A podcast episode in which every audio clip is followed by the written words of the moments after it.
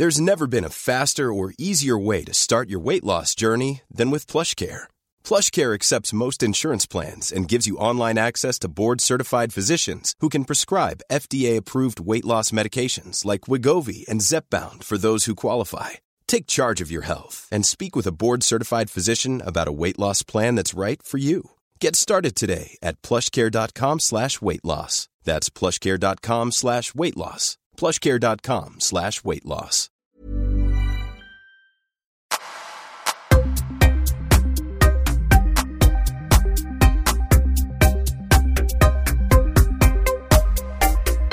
Magnus Dahlborn, välkommen till Levi Podcast. Tack så hemskt mycket. Ja, du och jag, vi är ju kollegor här i, här i bygget på Nordic Entertainment Group som det numera heter. Vi stöter på varandra på kvällar och nätter på helgerna. Stämmer bra, kommenterar varsin, varsin del av kampsporten. Du Mm. kör ju boxningen, ehm, så jag kan tänka mig att det ändå är ganska många av lyssnarna här som känner igen rösten. Kanske. Ja, nu får ni lära känna mannen också. Ja, precis. Men hur, hur kom du in i, eh, vi diskuterade lite innan vi satte igång här, men du hade hållit på i 28 år och jobbat med, med Mm. sport och tv. Mm. Jag började i eh, augusti 90 och dessförinnan så hade jag gjort några små, de första tv-grejerna jag gjorde var NBA, alltså amerikanska finalerna i basket, eh, i juni eh, på TV1000, som då var en systerkanal till TV3. Och det var, det var de två kanalerna som fanns på den tiden. Ja. Alltså inom vårt bolag. Ja, nej men exakt. Mm. För hela koncernen kickades väl igång. Det var väl TV3 som startade upp allting va? Var det inte? Ja, exakt. Det var TV3 och det hette Skansat på den tiden. Eh, MTG kom ju till senare och det här med Nent Group som vi sitter i nu, det är ju, det är ju dagsfärskt nästan. Så Skansat hette, hette det på den tiden och var ju inte ett eget börsnoterat bolag utan det var ju liksom en del av, av Kinnevik helt enkelt. Men var det din, för idrottsmässig bakgrund för dig som största del, det är basket va? Ja, det är det. Det stämmer. Vad har du gjort inom basket innan du började jobba med Nej, jag började spela som, eh, ja, vad var jag, 11-12 år gammal. Eh, och spelade väl på hyfsad linit, elitnivå för att vara på den, eh, vid den åldern fram till jag av då när jag var 19 eller någonting sånt där. Och sen så började jag coacha lag istället. Så jag var, jag har både varit spelare och tränare, involverad i, i sporten. Jag har skrivit en del matchprogram och skrivit artiklar i den gamla tidningen Basket. Eh, jag var manager för landslaget under ett EM, för EM-kval och jag har varit manager för, för lag i elitserien och såna här saker. Så att jag har varit, varit, rest rätt mycket med basket. Så att jag har sett, sett och varit med väldigt mycket om basket under de senaste 40 åren, kan man Mm. väl säga. Är basket fortfarande den största passionen inom idrott eller har det Nej, men det är väl, vad ska man säga? Det var där, jag ska inte säga att det var där det började, för att jag är ju uppvuxen i Sverige precis som du är, så att det var liksom fotboll och hockey från början. Det är klart mina största idoler var eh, Ralf Edström och Roland Sandberg vid fotbolls-VM 1974 som var mitt största, första stora idrottsminne. Kanske OS 72 lite grann då med, med eh, Gunnar Larsson i simning och Ulrika Knape och sådana grejer. Men, men eh, så att jag, jag är ett ganska brett intresse när det gäller idrott, men det var basket jag snöade in på. Det var basket jag har lagt ner mest timmar på. Om vi ska prata om den här äh, 5000 eller 10 000 timmars regeln som man har för att kunna någonting. Hur man nu mäter kunskap. Det är ju en filosofisk fråga. Då har jag ju lätt lagt ner mina 10 000 timmar på basket. Antingen som aktiv tränare, suttit och läst eller kommenterat. Just det. Jag har faktiskt en liten baskethistoria själv. Jag började med basket, men nu minns jag inte hur gammal jag var, om det var mellanstadiet eller om det var brytpunkten. Hur som helst, det var innan, innan högstadiet. Då körde jag basket. Och vi var ett lag liksom, eh, i skolan. Successivt började ju person efter person att hoppa av basketen. Och det slutade med att det var jag och en kille till. Och det roliga är att den killen kallades Lång-Johan. Han var längst i klassen, jag tror han är två meter idag. Och så var det jag. Det var han och jag som körde på, men sen säger coachen till oss när vi kommer in en dag och det bara är jag och Johan och det hade väl varit det, liksom två, tre pass. Han bara, men grabbar alltså jag är ledsen, två personer är inte ett lag. Så jag, vi, vi kan liksom inte fortsätta. Men ni kan ta tag i det igen när ni börjar sjuan, när de från Gröndalen i behov kommer hit och så där krossades liksom mina basketdrömmar. Och jag kan nog säga ändå att jag hade inte värsta basketdrömmar, lite att ta i, men basket var nog faktiskt den enda idrotten på den tiden som jag tyckte var kul. Annars Mm. har jag hållit på med simning eller kampsport. Men, men det var, jag gillade verkligen basket. Så det var jättetråkigt faktiskt att vi inte kunde fortsätta. Mm.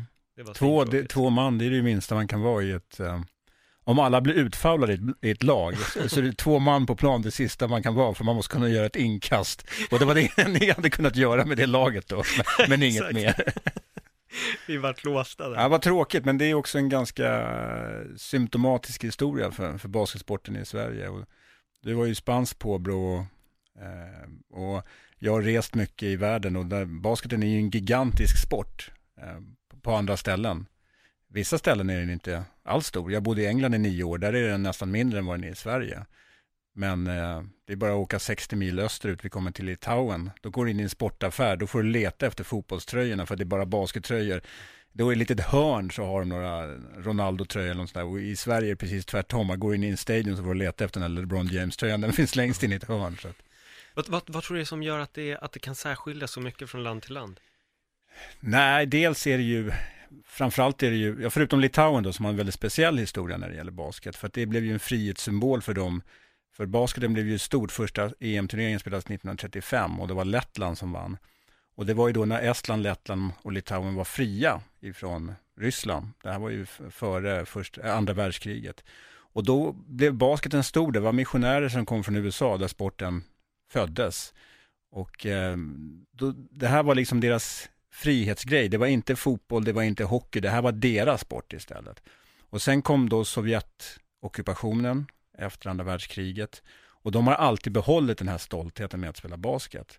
Så att även under Sovjettiden så, så hade Litauen, Estland och Lettland egna landslag, även om då Sovjet var ju också nerlusat med baltiska basketspelare. Det laget som vann olympiska spelen 96 till exempel var ju till stor del eh, baltiska basketspelare. Så de har ju alltid haft en, de har haft en lång tradition och det har varit en fantastisk symbol för, för deras land. Ehm, när det gäller andra idrott, eller när det gäller andra länder så är det ju basketen stort runt Medelhavet. Och där har du ju inte konkurrensen av eh, vinteridrott till exempel. De, och, nej, det, det finns ju ingen ishockey. Eh, handbollen finns i vissa länder men är inte, inte lika stor som den kanske är i Sverige. Spanien är ett undantag där handbollen är stort också. Men i Italien, där existerar ju knappt handboll. Nej.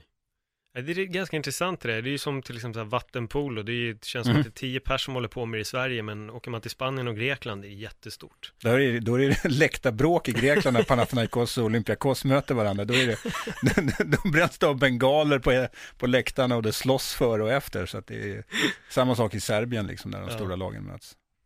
När du ändå nämner det, vad är det mest udda du har råkat ut för när du har varit och täckt en sport? Inte bara sett den liksom via, eller jobbat med den via tv, utan att du bokstavligen har varit på plats. Eh, oj. Nej, jag har gjort så mycket. Alltså det är en sån här grej som jag nästan har behövt förbereda. Men, men att komma ner till, jag har kommenterat en, eh, jag har ju testat på att kommentera olika sporter också. Och eh, kommenterade fotboll ett tag. Och det mest dramatiska, eller ro, en av de roligaste grejerna jag gjort, det var när jag fick åka till, jag har gjort en match i Serie A i Italien. Och det fick jag göra Napoli mot eh, Inter i Neapel. Och det var, det var ganska speciellt att, att få göra en fotbollsmatch nere i Neapel. Vad var det som gjorde det speciellt? Nej, men hela, hela omgivningen med, med arenan och alltihopa i Neapel. Fotbollen är ju verkligen en religion där nere. Och, och taxichauffören som körde oss dit och började prata fotboll med oss och jag hade Glenn Hussein med mig som, som expertkommentator och han kände igen lite grann Glenn Hussein och han gillade stora starka fotbollsspelare. Hans stora idol var Horst Rubecht, jag vet inte om du kommer ihåg honom, en stor Nej. centertank i Italien. Och hans näst största idol var Preben Elkjær som också var en sån här centertank då, som, som spelade i Verona en säsong. Och det var sådana saker att han skulle egentligen släppa av oss. Regler är, var ju väldigt, eller är till viss del väldigt flytande i den delen av Italien. Och eh, man fick inte köra, man fick inte komma nära arenan med taxibil, men han bara braka på. Och då sa vår engelska tekniker, men, men är du inte rädd? På engelska givetvis. Är du inte rädd för, för vakten där? Vad- Vad skulle jag vara rädd för vakten för? Ja men han hade, han hade ju en pistol. Ha, ha, ha! Så han bara körde vidare. Och det var den enda gången du täckte utländsk fotboll, sen fick du vara nog. Nej, ja, på den nivån. Sen har jag varit med, jag har jobbat som producent mycket på Champions League-matcher och sådana saker också. Men det var enda gången jag varit med som kommentator i, i, i Italien i alla fall. Vad var det som gjorde att du inte kommenterade mer, eller du kanske har kommenterat mer fotboll, men vad är det som gör att du kanske inte kommenterar idag? Nej, det blev, vad ska man säga, det var andra som var bättre lämpade. Det är, inte, det, det, det är ju så, vi är ju en bransch där inte vi bestämmer riktigt vårt eget öde, utan är det någon som vill ha någon annan så är, de, är det ganska osentimentalt, då det, får man göra någonting annat helt mm. enkelt. För du täcker ju ändå en hel del sporter mer än boxning, just nu i alla fall. Mm. Och det är ju basket och vad är det mer? Amerikansk, Amerikansk fotboll. fotboll. Men det, är det, är de... De, det är de tre. Sen så hoppar jag in, jag gjorde faktiskt en, en uh, hockeymatch här om veckan för att ordinarie kommentatorn blev sjuk så fick jag hoppa in och köra en sån här Champions Hockey League-match mellan Bern och Växjö. Det var väl inte jättelyckat, men, men eh, jag gjorde någon match i ryska ligan, KHL i hockey. Jag tycker det är kul, jag kan ju lite ryska också, så jag kan ju hanka mig igenom då kyrilliska bokstäver och sådana här saker. Eh, så att det händer att jag gör, får hoppa in och göra någonting annat. Jag brukar väl göra två Premier League-matcher om året, någon på, vad är det, annandag julboxing Day och sista omgången, för då sänder vi alla matcher och då behövs det då behöver man rota långt ner i tunnan för att hitta en, en kommentator, så då får jag göra det.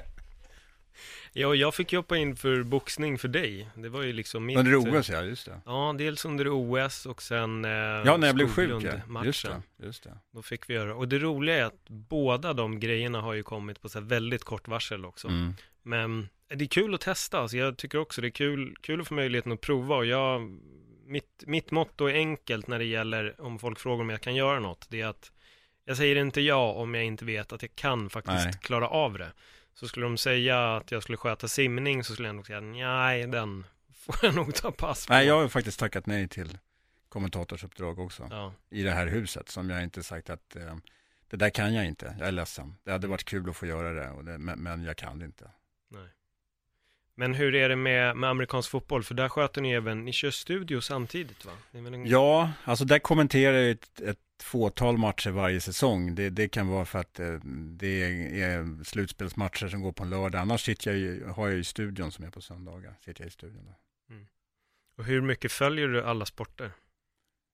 För det är ju ett gäng. Väldigt mycket. Men jag tror också, jag tror väldigt mycket på den här hur många tusen timmar det än är man ska lägga ner för att man ska kunna någonting. Jag vet inte vad det är. Men, men eh, 10 000 som jag sa. Ja, 10 000 brukar de säga. Ja. Och sen så kan vi då diskutera liksom, vad är kunskap? Är det bara fakta eller är det att man lär sig någonting om saker och ting runt omkring? Men jag har ju följt amerikansk fotboll väldigt länge, i nästan 40 års tid också. Sen har det ju varit svårt i början där att få information. Det fanns inget internet förrän mitten på 90-talet och så vidare. Så att, Ehm, man ackumulerar kunskap hela tiden. Och jag tror att det är samma sak med dig när det gäller kampsporten. Att det, du går aldrig in och kör en, en ny sändning. Ja, det är en ny sändning, men och det kanske är någon som är ny som du inte känner till, men du känner till så mycket runt omkring det. Så att i princip skulle du kunna gå in och, jag brukar säga att man egentligen ska kunna gå in på det man kan och det man älskar och det man eh, håller på med, ska du i princip kunna gå in och köra en sändning oförberedd. Vi hade faktiskt en chef en gång som sa att testa gå in och köra en sändning, en basketmatch till exempel, helt oförberedd och se hur det går. Och det tror jag jag skulle greja. Och det tror jag att du skulle greja en UFC-gala om du inte läste på ett, ett Jota heller. Ja, det, ja men det, så kan jag känna med MMA. Alltså det är ju, jag har ju kommenterat galer där även om du vill vara förberedd så går det inte. För att mm. fightersarna är så okända. Så när man söker på dem så ibland hittar du bara deras namn och deras Facebook-sida. Du hittar nödvändigtvis liksom inte mycket mer. Um, och några är väl typ så här, han är debutant och han håller på med karate. Sen vet man inget mer. Men då, det jag gör där är att jag försöker kanske bygga storyn liksom runt eventet eller mm. kanske landet han kommer ifrån eller jag försöker hitta storyn någonstans och sen bara play by play när, mm. det, när det rullar. Um, Fördelen där är ju då att om vi jämför med en kanske basketmatch, så tidsmässigt är det mycket längre med samma individer hela tiden. Mm. Här får man chansen att börja en ny story vid varje ny match, Exakt. precis som vid boxning. Nej, men det där har ju hänt i boxningsgalor som vi har haft också, att vi har inte vetat om att det är en som inte kommer till match, utan det är någon annan. Och vi har annonserat att det ska vara den vi trodde det skulle vara. Eh, och så ser man när man kommer upp i ringen, men vänta, han är ju inte tatuerad på högerarmen. Vad är det här för lirare? Och så är det så här frenetiskt letande efter någonting. Och så är det någon ring-announcer som säger någonting som man inte hör vad det är för någon. Eh, och sen så efter ett par ronder så, ja men det är ju den där liran, det är ju den där. 46-åringen som har blivit inkallad för att han bor i närheten av Hamburg. Det är därför han får komma in och köra den här matchen. Just det, just det. För några sådana där grejer har jag råkat ut för just i MMA. MMA-grejen också. Och det blir det när det är de mindre galorna som till exempel Cage Warriors. Där är det vanligare att man inte vet någonting om mm. personen. UFC är ju jätteduktiga på att komma ut med mycket information. Mm. Så vi får ju fighter bios och allting. Dock så gäller det att vara med. Um, för det finns ju ibland när det har blivit bortfall, alltså bokstavligen samma dag som det är fight. Mm.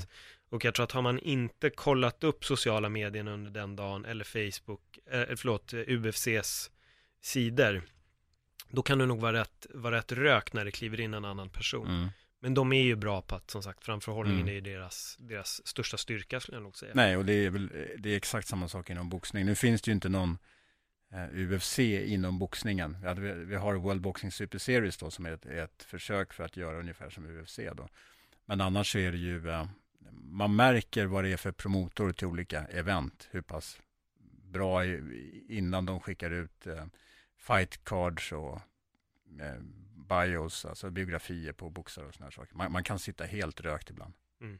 Men få, hur ser det generellt sett ut från de olika distributörerna? Eller organisationerna ska man väl säga? Ja, eller det, det, är väl snarare, det är ju, det är ju promotors som bygger galorna i boxningen. Så det är de som står för, vi har till exempel då Matchroom som gör stor del av galorna från England. Eh, och eh, de har en rival då i i Box Nation. Det är två rivaliserande promotors helt enkelt. Och de är väldigt olika med hur, hur de vad de, hur de förmedlar informationen till, om, om galorna.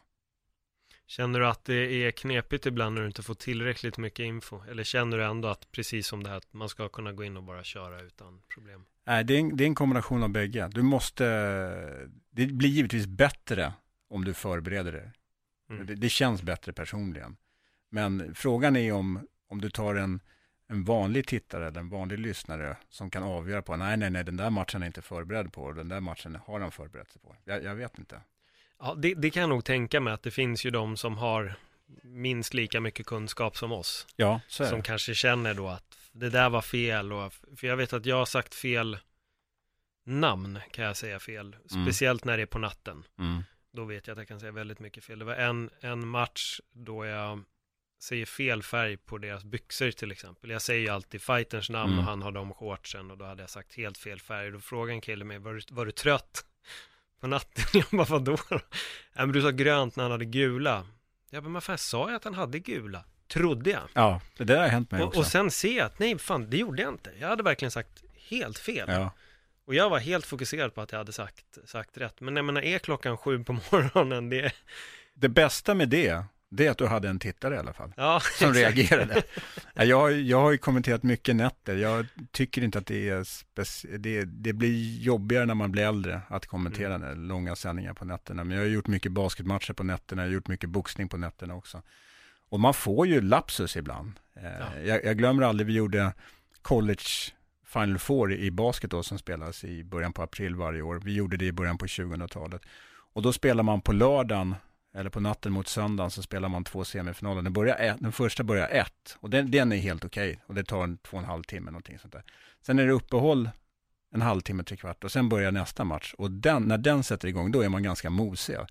Och jag glömmer aldrig någon gång när vi sitter, det var, vi satt inte på det stället vi sitter nu utan och jag tyckte att jag sa någonting helt annorlunda och vaknar till lite grann att vad, vad har jag sagt nu? Har jag sagt något könsord eller någonting ute i, i, i, i etern? Men det var ingen som reagerade. Men så undrar min, min expert här, han har inte heller sagt någonting på jättelänge. Så tittar jag, då ser man liksom.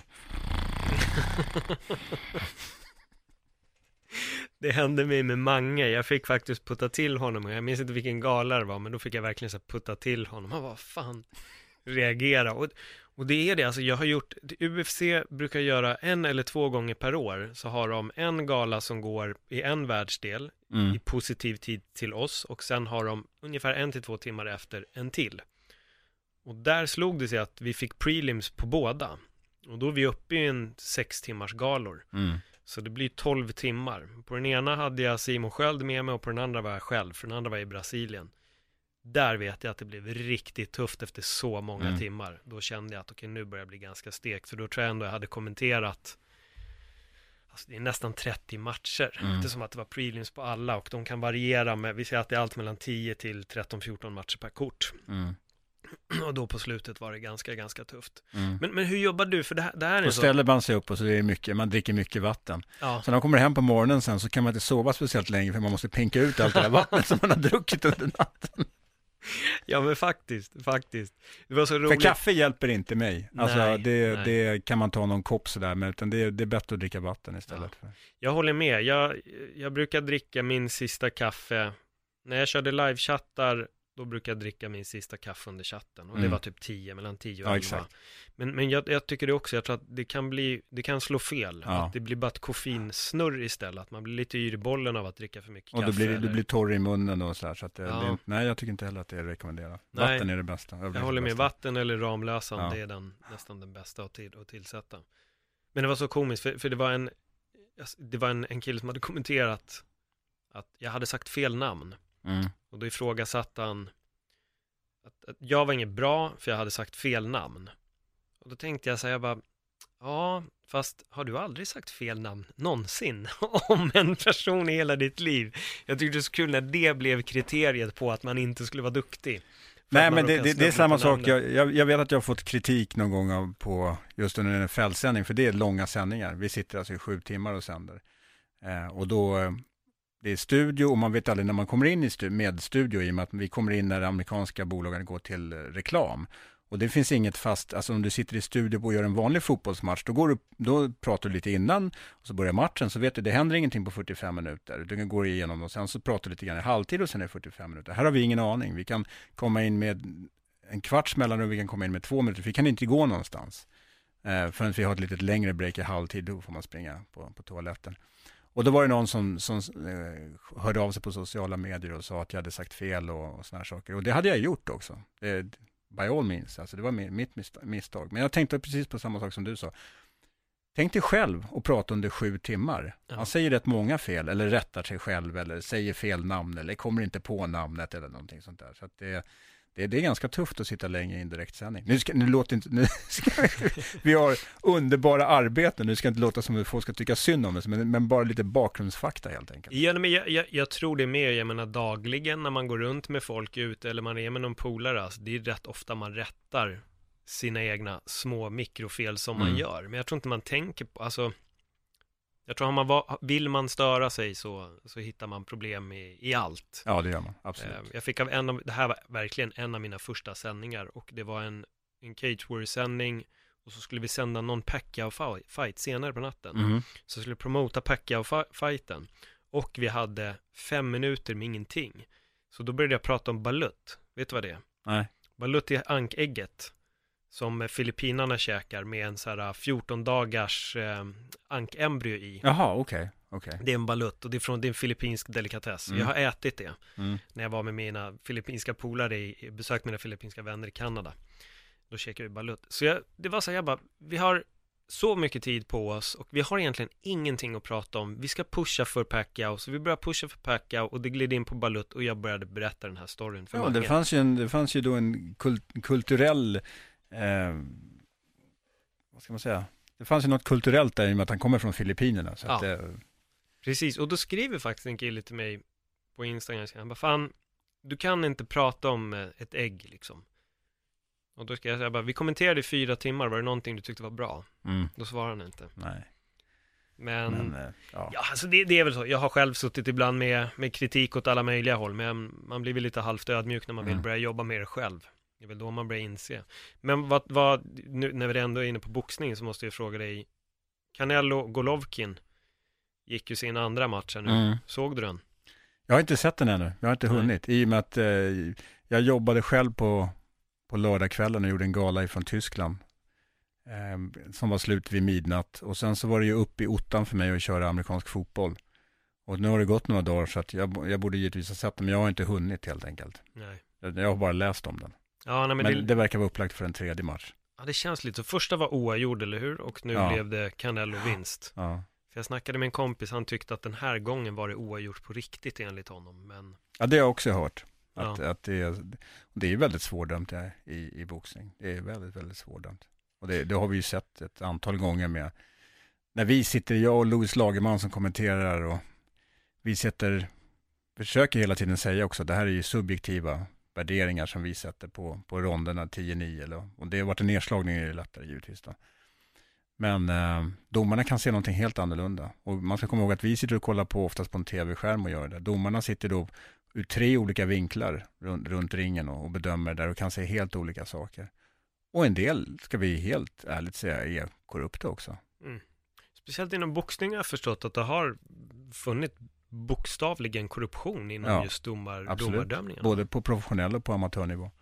Finns det någon så här stor skandal som du kan, som du kommer på? Nej, alltså jag kan ju inte, jag ska inte sitta och anklaga för någonting jag inte har bevis för Nej, jag egentligen. som- men, men den är, kla, det är en ut. klassiska den här i Roy Jones Jr. då i, i Seoul-OS när han förlorar finalen. Mm. Han är totalt bortdömd.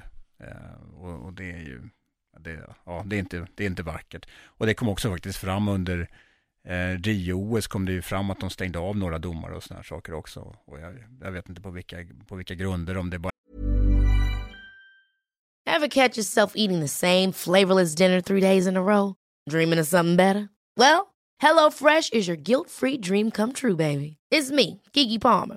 Let's wake up those taste buds with hot, juicy pecan-crusted chicken or garlic butter shrimp scampi. Mm. Hello Fresh. Stop dreaming of all the delicious possibilities and dig in at HelloFresh.com. Let's get this dinner party started. There's never been a faster or easier way to start your weight loss journey than with PlushCare. PlushCare accepts most insurance plans and gives you online access to board-certified physicians who can prescribe FDA-approved weight loss medications like Wigovi and Zepbound for those who qualify. Take charge of your health and speak with a board-certified physician about a weight loss plan that's right for you. Get started today at plushcare.com slash weight loss. That's plushcare.com slash weight loss. plushcare.com slash weight loss. det är liksom känslomässiga grejer eller om det verkligen är reella, att de har fått betalt eller fått eh, Just en det. mutor, det, det vet jag inte.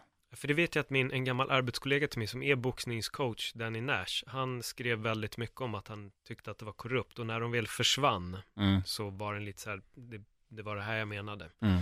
Så det, men det var ganska mycket under just Rio vad gällde boxning. Ja, det var det ju. Det var ju, det var det ju. Och, och nu, det är ju liksom, debatten går ju om du ska, och den kommer väl upp i jämna mellanrum, det här med att man ska kasta ut boxningen från, från olympiska spelen. Men, På grund av, ja, men på grund av det, på grund av svårigheten att döma det och på grund av liksom att det, det blir fel domslut och folk känner sig eh, dåligt behandlade och så vidare. Så att, men jag, det är ett jättesteg att ta. Men nu fick ju proffs vara med för första gången och man boxades, ja, man boxar utan eh, huvudskydd och sådana saker. Så att det, det, det händer ju grejer också, mm. bra eller dåliga tror att MMA kommer kunna komma in där? Jag vet att de, de vill ju få det till en OS-gren. Hur, hur svårt eller hur lätt det är egentligen att få in en ny id-sport? Ja, och hur pass viktigt är det egentligen heller?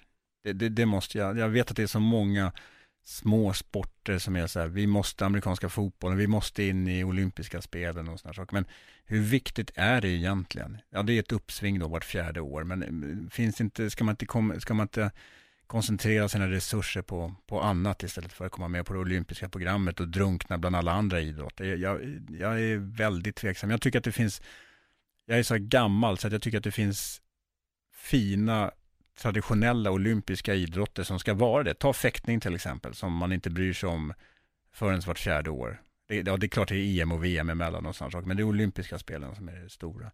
Ehm, någon måste ju stryka på foten någonstans. De kan inte bara expandera det. Och det, och det är också en sån här grej, olympiska spelen är, det är tufft nu för att det är inte så lätt. Förut var det flera som alltid anmälde sig och sa att vi, vi vill köra OS, vi vill köra OS. Det är ganska svårt nu att hitta kandidater som vill ta på sig de här olympiska spelen. Brasilien, eller det, nu är det ju inte ett land som arrangerar utan det är ju en, en stad. Och det var ju Rio de Janeiro då som gjorde det senast. Och eh, det är ju inte så lyckat när man läser om det två år senare. Med de här arenorna som står tomma och de här husen som skulle bli bostäder förfaller och golfbanan förfaller som skulle ha blivit en public course, eller om det skulle bli det, jag vet inte, men det, det, det är lika bra som London-OS var, lika dåligt, dåliga exempel finns det ju på olympiska städer som har tagit på sig det ansvaret, där, där skattebetalarna till exempel ifrån Montreal 76, det var väl bara några år sedan som skattebetalarna fick sluta betala av på skulden till, till olympiska spelen 76. Ja, det är ju inte en, eh, en billig grej att hosta. Nu kom vi lite grann off topic här. Ja, men det gör inget. Med, med, med, med MMA i olympiska spel. Ja, ska man ta bort, ska man ta bort taekwondo till exempel? Eller ska, mm. man, ska man lägga på ytterligare en, en kampsport? Det är jättesvårt, eller behövs det överhuvudtaget? Alltså, jag, för mig, jag är superlikgiltig om det blir en olympisk gren eller inte. Mm. Det är bara att jag vet att diskussionen har varit där. Mm. Jag tror att det handlar, för dem tror jag det handlar om att MMA ska bli liksom ännu mer så här, hem, accepterat. Hem, accepterat. Mm. Jag tror att det är det de, de söker efter. För mig, jag har inga sömnlösa nätter över det. Jag tittar väldigt begränsat på, på OS. För mig är det väl Curling är väl intressant var fjärde år. ja men det är som fäktningen. ja, alltså jag älskar det. fäktning, verkligen. Alltså jag tycker fäktningen är en fantastiskt fin sport, men det är, det är de olympiska spelen jag, jag tittar på fäktning.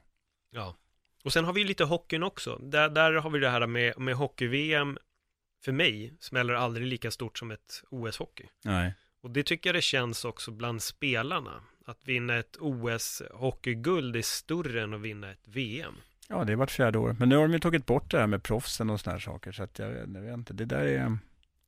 Den olympiska frågan är, den, den är ganska svår. Det är en ganska svår nöt att knäcka. För jag tycker samtidigt att de olympiska gulden är väldigt stora och det finns vissa sporter där, basketen till exempel, är stor att vinna i OS. Fotbollen är inte lika stor att vinna. Eh, när vi får en, en svenska som vinner ett, ett, ett lopp och vinner guldmedalj i mountainbike, då blir det otroligt stort och det, det förstår jag också. Eh, men men eh, det är ju, sommar-OS är ju lite elefantiasis, det är ju lite för många grenar egentligen. Men vad ska man skala bort? För att det är som precis som vi var inne på det här med vattenpolo. Det finns sporter som är jättestora i, i vissa länder och som knappt existerar i Sverige och sådana saker. Så att det, det, det är ju svårt. Butan skickar ju bara bågskyttar till exempel. Mm. Nej, jag håller med dig. Det, annars blir det ju ett OS som skulle hålla på i all oändlighet för man skulle börja mm. trycka in precis varenda, varenda sport. Mm. Men, ja, det är tur att du och jag inte jobbar med de, med de frågorna. Nej, och det var kul att få göra ett olympiskt spel, men jag måste också säga att det var väldigt, väldigt eh, arbetsamt att jobba under de här två veckorna med, med Var du stationerad i Rio eller var du Nej, här? jag var ju, jag var här i Stockholm. här hemma. Mm. Och med tidsskillnaden gjorde inte det lättare heller. Nej. Eh, men det var, det, var, det var massivt. Det tyckte jag verkligen att det var, de olympiska spelen. Samtidigt var det kul, men det är kul att ha gjort det. Ja. Jag var glad att jag fick en inhopp på boxning, för då kan mm. jag i alla fall säga att jag har jobbat med OS, mm. i alla fall en gång. Så jag var skitglad när jag fick samtalet och möjligheten att hoppa in. Uh, men jag gillar också att kul att, um, alltså vissa grejer är ju stora i sig. Alltså, att bara kommentera en, en vilken boxningsgala som helst eller få möjlighet att kommentera en eh, olympisk boxningsgala, det blir på något sätt lite mer prestige för en själv i alla fall. Mm. Det blir roligare att göra det, att mm. fan vad kul, jag fick liksom ändå göra något inom OS, man fick mm. vara involverad i det på något, på något vänster. Men hur länge har du kommenterat boxning? Um, jag skulle just ha tagit, det är nästan grej, det skulle jag ha tagit reda på. Jag skulle behöva mitt här stora Excel-arket där jag har alla boxningsmatcher, men jag tror att det är, om det är sex år, fem eller sex år någonting sånt där. Men du följde det innan? Ja, saken var ju den att jag jobbade väldigt mycket med boxning på, på 90-talet. När jag började med, med min tv-karriär, då som var inne på tidigare, så behövdes det oftast, för på den tiden så var ju galorna inte lika ofta förekommande och när de kom så var de stora. Så då var Steffen Tangsta och Olof Johansson som kommenterade på den tiden, de var nästan alltid i Las Vegas. Så det var i Las Vegas det boxades på den tiden. Det var i Tyson-eran där på 90-talet. Och då behövdes det alltid en producent. Vi sände ju, hade studio och utsändning från London. Eh, och då behövdes det alltid en producent som tog hand om de här sändningarna i London la på grafik och sådana där saker, såg till att det gick ut ordentligt och att de hade skickat hem inslag och att de gick ut och sådana där saker. Så att jag jobbade väldigt mycket med boxning under början på 90-talet på de här nattgalorna med, med Mike Tyson och George Foreman. Och sen så var jag också producent på, när vi, började, när vi hade avtal med Mogens Palle då i slutet på 90-talet, så var jag ute och gjorde en, ganska många, var jag producent på plats på de här Mogens Palle-galorna mm. i Danmark. Ja, du har ju hunnit med en hel del på dina nästan 30 år. Ja. Vad, skulle, vad skulle du säga är ditt starkaste minne från din eh, ja, karriär så här långt? Ja, det är så mycket. Det är så fruktansvärt mycket så att jag... Det roligaste och kanske det roligaste jag har fått i matchen jag har fått göra och kommentera, det, det ska vi ändå gå tillbaka om, det går till basketen, är ju eh, EM-finalen 2007 i Madrid mellan Ryssland och Spanien. Det har varit ett ganska bra EM-slutspel. Det var i Spanien där basket är väldigt stort. Det var upplagt för att Spanien skulle vinna. Då den här generationen som, var, som är, ja, den är fortfarande stor med Pau Gasol och Navarro, Navarro har lagt av nu och så vidare. De flesta av våra lyssnare kanske inte alls vet vilka de här är, men det spelar ingen roll, de har en gyllene generation. Och de var egentligen kanske som bäst runt 2007, 2000, de blev Europamästare sedan 2009, 2011. Och, eh, men då var de final på hemmaplan och hade inte vunnit på många, väldigt många, många, många år. Eh, och eh, mötte Ryssland som var nederlagstippade. Och allting var klart i Madrid för guldfesten. Jag kommer ihåg där nere på den här, vad heter det, Plaza i Spanien. Eh, hade, de, hade de byggt upp stora läktare och såna här saker där de skulle fira guldet. Och Plaza Colón, den här stora spanska flaggan, är, hade, fanns det också en stor scen som var uppbyggd för att, för att fira guldet och såna här saker. Och Ryssland var jättenederlagstippade, hade hankat sig till final. Och, men eh, de ställde till med en jätteskräll och vann i Madrid mot hemmanationen. Och det där tyckte jag var rätt häftigt. Det var underdog och eh, de knäppte dem på näsan på något sätt. Inget ont om Spanien. Jag tycker det, var en, det är en fantastisk basketnation och den generationen är helt fantastisk. Men just att få vara med om en sån här historisk vinst som de flesta av de här som lyssnar på det här programmet inte ens visste om att den existerade. det, det, det, var en, det var ett stort ögonblick faktiskt. Hur var reaktionen bland, de, bland spanjorerna på plats? De ja, det, blev, bli... det, det, var verkligen det här, du kan höra en knappnål falla ursäkta klyschan. Men alltså det blev verkligen knäpptyst. Och det enda man hörde när slutsignalen gick, det var de alltså, ryska spelarna och ledarna som, som, eh, som, som eh, gladdes åt vinsten. Ja. Och så fick de hyra scenen sen från Nej, jag vet inte vad de gjorde för någonting. Men de hade också en fantastisk coach på den tiden i, i, um, i Ryssland som coachar i Grekland i Olympiakos. En amerikan som heter David Blatt. Och han, alla hans presskonferenser var stor show och han hade precis då skrivit på ett kontrakt att han som klubbcoach skulle ta ett lag i Istanbul. Och så coachade han Ryssland, han var jänkare och han är jude. Och då sitter han på presskonferensen och säger att, men är inte det här liksom vad livet handlar om? Här är jag, amerikansk jude, jag har coachat Ryssland till ett EM-guld och jag ska åka till ett muslimskt land och, och fortsätta mitt arbete. Det är väl helt fantastiskt. Men är inte det, alltså det är det ibland ibland, måste jag tillägga, men största majoriteten av gångerna så är det ju så fantastiskt att sport verkligen kan, kan ena, alltså idrott i sig kan ena folk att se förbi religion och politik. För mm. jag fick frågan en gång på mina livechattar så, så här, vad, vad, vad ska du rösta på? Eller vad ska man rösta på i valet? Och då var jag så här, jag bara, men det här är MMA här skiter vi i politik och religion liksom. Det, det fanns inget MMA-partier att rösta på. Nej, det. precis. Och det var så skönt för att alla gillade det. Alla mm. var så här, men fan vad skönt, fan vad skönt. Det är så här, jag skiter om du är liksom sosse, moderat, SD, kristendemokrat, vad det än må vara. Låt oss bara snacka MMA. Mm. Och det är så häftigt att se, som han säger, en amerikansk jude i mm. Ryssland och nu ska jag till ett muslimskt land. Det är så jävla fantastiskt Ja, det var fantastiskt. Alltså jag får gåshud nästan när jag tänker på det idag. Just på hur han sa det. Och sen så får man inte blunda för att det också finns väldigt mycket motsättningar inom idrotten. Just att man bråkar med varandra för att de kommer från den stadsdelen, de har den religionen, de har den bakgrunden och så vidare. Så att, men men det, det som är bra med det, alltså den goda sidan med det, det, det är ju precis som du säger. Att, att helt plötsligt så enades det här basketlaget i Spanien, för att ta det som exempel igen, eh, mycket mycket, på ett mycket bättre sätt än vad fotbollslaget, fotbollslandslaget gjorde det här med den eviga, som tack och lov har försvunnit lite grann, i alla fall på idrottssidan, det här bråket mellan katalaner och Katalonien och övriga Spanien och basker och sådana där saker. Det finns ju fortfarande en stolthet i det och, och det finns ju en stor, en het politisk fråga om, om Katalonien, självklart också. Men det här basketlandslaget, där står då bröderna Gasol då, som är kataloner, de står med dem från Kastiljen och sådana här saker. Så att det är det, där kan man enas på, på ett otroligt bra sätt. Ja, Det tråkiga just nu är ju att det finns en liten konflikt. Den har ju eskalerat igen ja, den har esk- lite. Som jag sa, den har eskalerat igen. Ja. Att, ehm, Men, men jag håller med dig. Jag, jag tycker att det är jätteskönt att se. Däremot när jag har pratat med vissa av mina spanska vänner så vet jag att det var, det var någon, kan det ha varit pilkastning? Skitsamma, det var någon av de mindre sporterna där de från Katalonien ville ha en katalansk eh, liten flagga Mm. på sin spanska då tröja och han, han tyckte att det var skitlöjligt. Kommer jag ihåg. Han var så han bara, "Men jag fattar inte. Han bara, fan det, de är ändå där och representerar Spanien. Då, då, Mm. då tycker inte han att de ska sticka ut på ett annat sätt. Jag kan förstå poängen på något sätt åt båda hållen, men mm.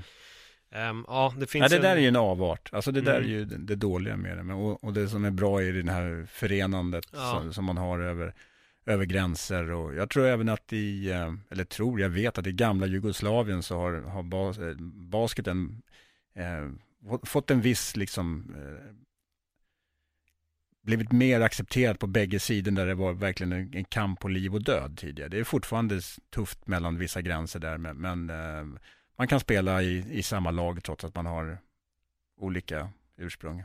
Men, äh, men som sagt, det är fantastiskt när sport kan, kan ena folket och få Mm. dem att se förbi allt jävla skit egentligen Mm. som vi håller på och lägger på på vår, på vår vardag, Mm. åsikter och konstiga Verkligen. värderingar. Men du, jag, vi måste ju röra baseball känner jag, för jag...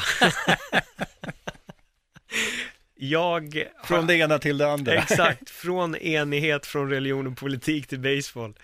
Ehm, jag började följa baseball på riktigt nu några veckor sedan bara. Mm. Och har mer eller mindre sett en match per dag typ. Mm. Köpte Baseball Field Guide så nu kan jag mer eller mindre alla regler. Mm. Köpte Watching Baseball Smarter också och har- håller på att läsa den. Börjar förstå mer och mer. Och folk säger ju alltid att det är en komplex sport och ju mer jag lär mig så börjar jag också älska varenda del av Mm. sporten. Och jag känner att den är lite som, som MMA. Det finns otroligt mycket variabler. Det är inte bara slå en boll, utan du ska kunna slå en boll, du ska kunna pitcha en boll, du ska kunna fånga den på bästa sätt, du ska kunna kasta tillbaka den för att bränna ut personer. Men du har ju följt sporten sjukligt mycket längre än Mm. mig. Vad var det som fick dig att börja så här, få upp intresset för baseball? Nej, men jag går tillbaka till basketen där.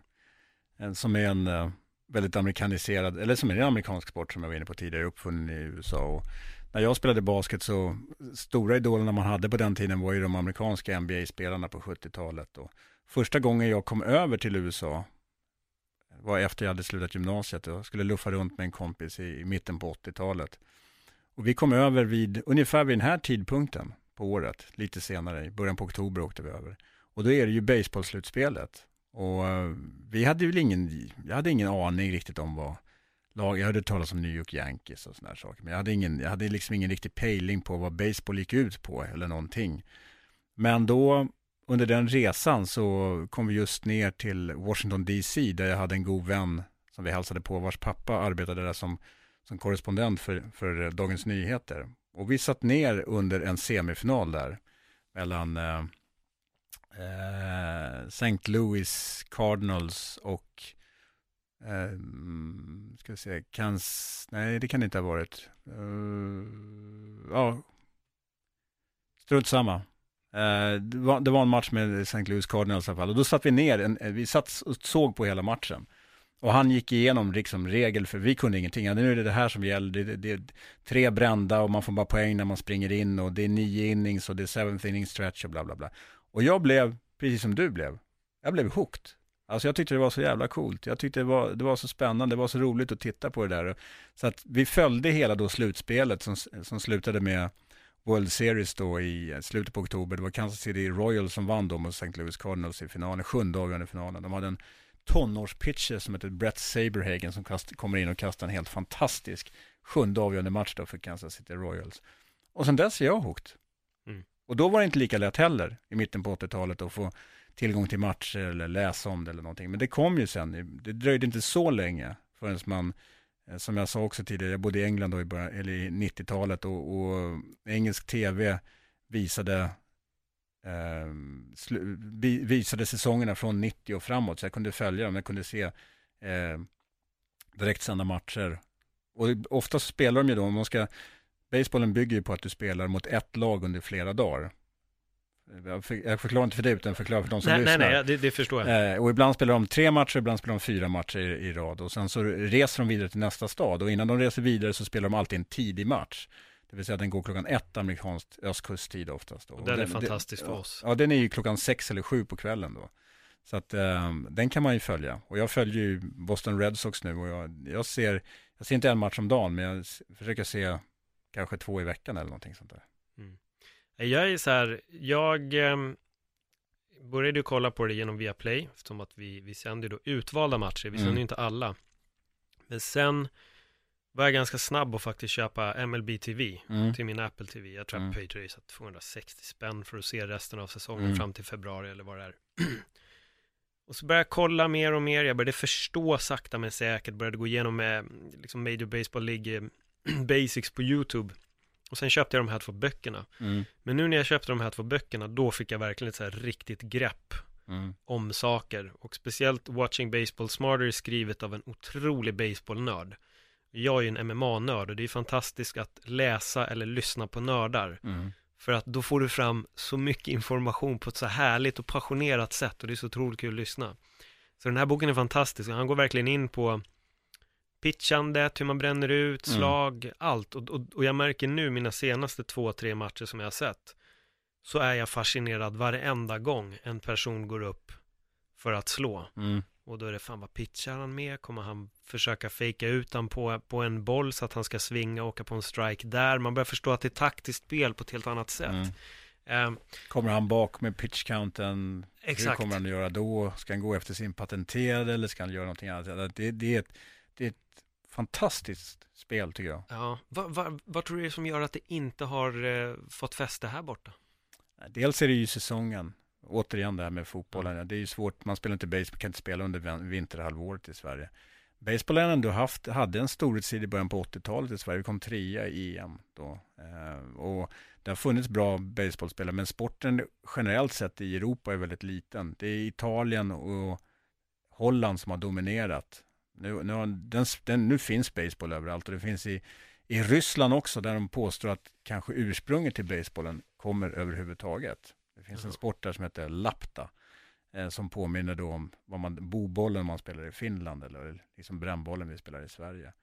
Om det är det eller inte, det vet man ju inte. Men, men det är en annan grej med, som är så fascinerande med baseball, är ju alla de här, för att sporten är så pass gammal professionellt. Man bör, det är ju verkligen en professionell sport sedan eh, 1860-talet i, i USA och det var ju inte, det var ju tuggummikungen då, Wrigley till exempel, som satte igång med ett lag i Chicago. Och några av de där klubbarna, de, ja det är eh, Chicago Cubs och eh, St. Louis Cardinals är ju de två äldsta klubbarna. Eh, det finns en, och det gör ju att det finns en uppsjö litteratur om det. Och det finns ju en uppsjö filmer med baseball. Mm.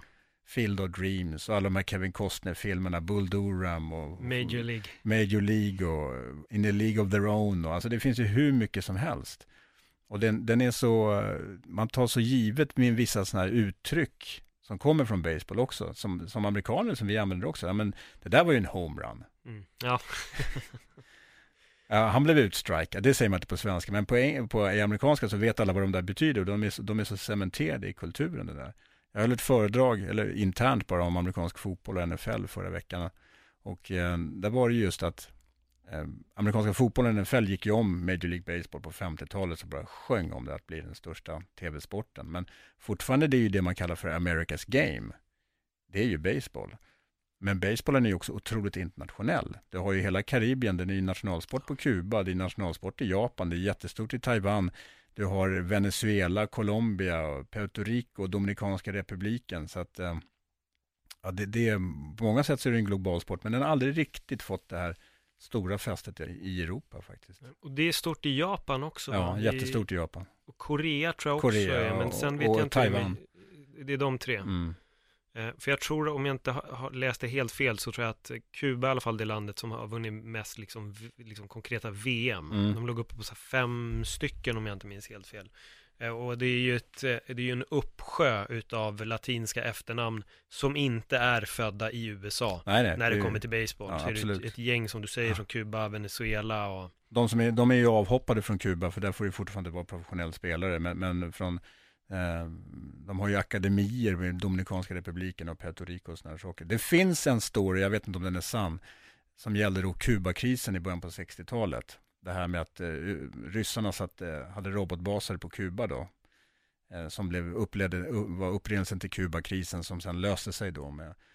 Och eh, de påstår att det var amerikanska spaningsplan som åkte över Kuba och så såg fotbolls, fotbollsplaner. Och så kom de hem och så började de se de här fotografierna så säger men vänta nu, det är någonting skumt här. Kubaner spelar inte fotboll, de spelar ju baseball. Ja jädrar, det är ryssar. Det är ryssarna som är där.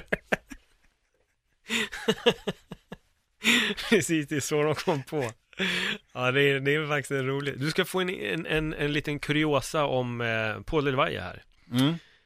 Under 1899 så skrevs ett fredsavtal mellan Kuba och eh, USA.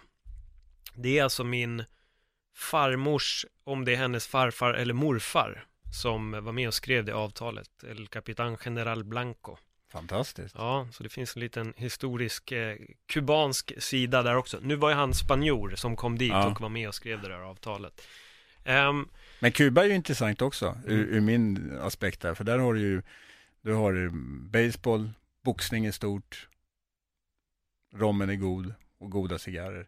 ja, Men nu ska vi inte prata politik här med, med, med Kuba, men de är bra på brottning också. ja. För det finns ett, ett gäng brottare som kommer från Kuba som Mm. är, håller på med MMA nu. Med. Vi är faktiskt klara, Vad kul. Vi har Ja. nått, vi har nått liksom vår Vägs ände. Ja, och jag kände att vi fick in lite baseball och jag fann, alltså baseball för mig är nog en av de, jag följer inte jättemånga sporter, men det är nog en av de sporterna som har hookat mig snabbast. Mm. MMA också absolut, men det är någonting speciellt med baseball, men jag tror det har att göra med också att jag gillade verkligen baseballfilmerna, just om du Mm. nämnde, jag har sett så mycket baseballfilmer, jag är så fascinerad av själva sporten, just tror jag för att den är så ovanlig här, här Mm. hemma. Så när man väl börjar förstå den så är det så här, nu kan jag verkligen sitta och vara riktigt fokuserad under de här tre, fyra timmarna. Och då säger folk, hur har man tre timmar till övers? Ja, om du kan sitta och titta på en skitserie i tre, fyra timmar och bingea, tro mig, du kan se en baseballmatch Ja, och sen kan du faktiskt, en baseballmatch, det finns lite lapsus i en baseballmatch mellan innings. Du kan göra lite annat under, under en baseballmatch också. Det behöver inte vara hundraprocentigt koncentrerad. De gånger jag har, eller jag har varit på rätt många baseballmatcher, men jag, jag har alltid en förmåga att hamna på toaletten när det, när det slås en homerun. Det är klassiker när det är som lugnast, då kommer stormen. precis. Ja, men jättebra. Magnus, tack så jättemycket för ett bra Stort tack. samtal. Ja, och eh, ja, nu fick ni en liten eh, resa genom sportens värld. Tills nästa gång, ha det jättebra. Hej då!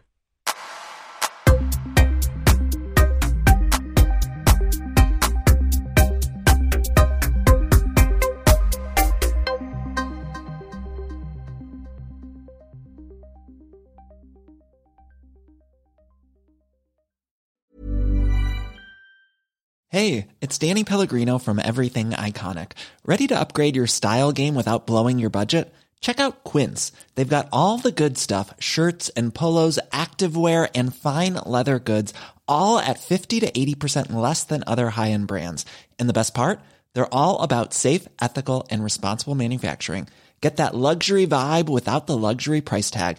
Hit up quince.com slash upgrade for free shipping and 365 day returns on your next order. That's quince.com slash upgrade.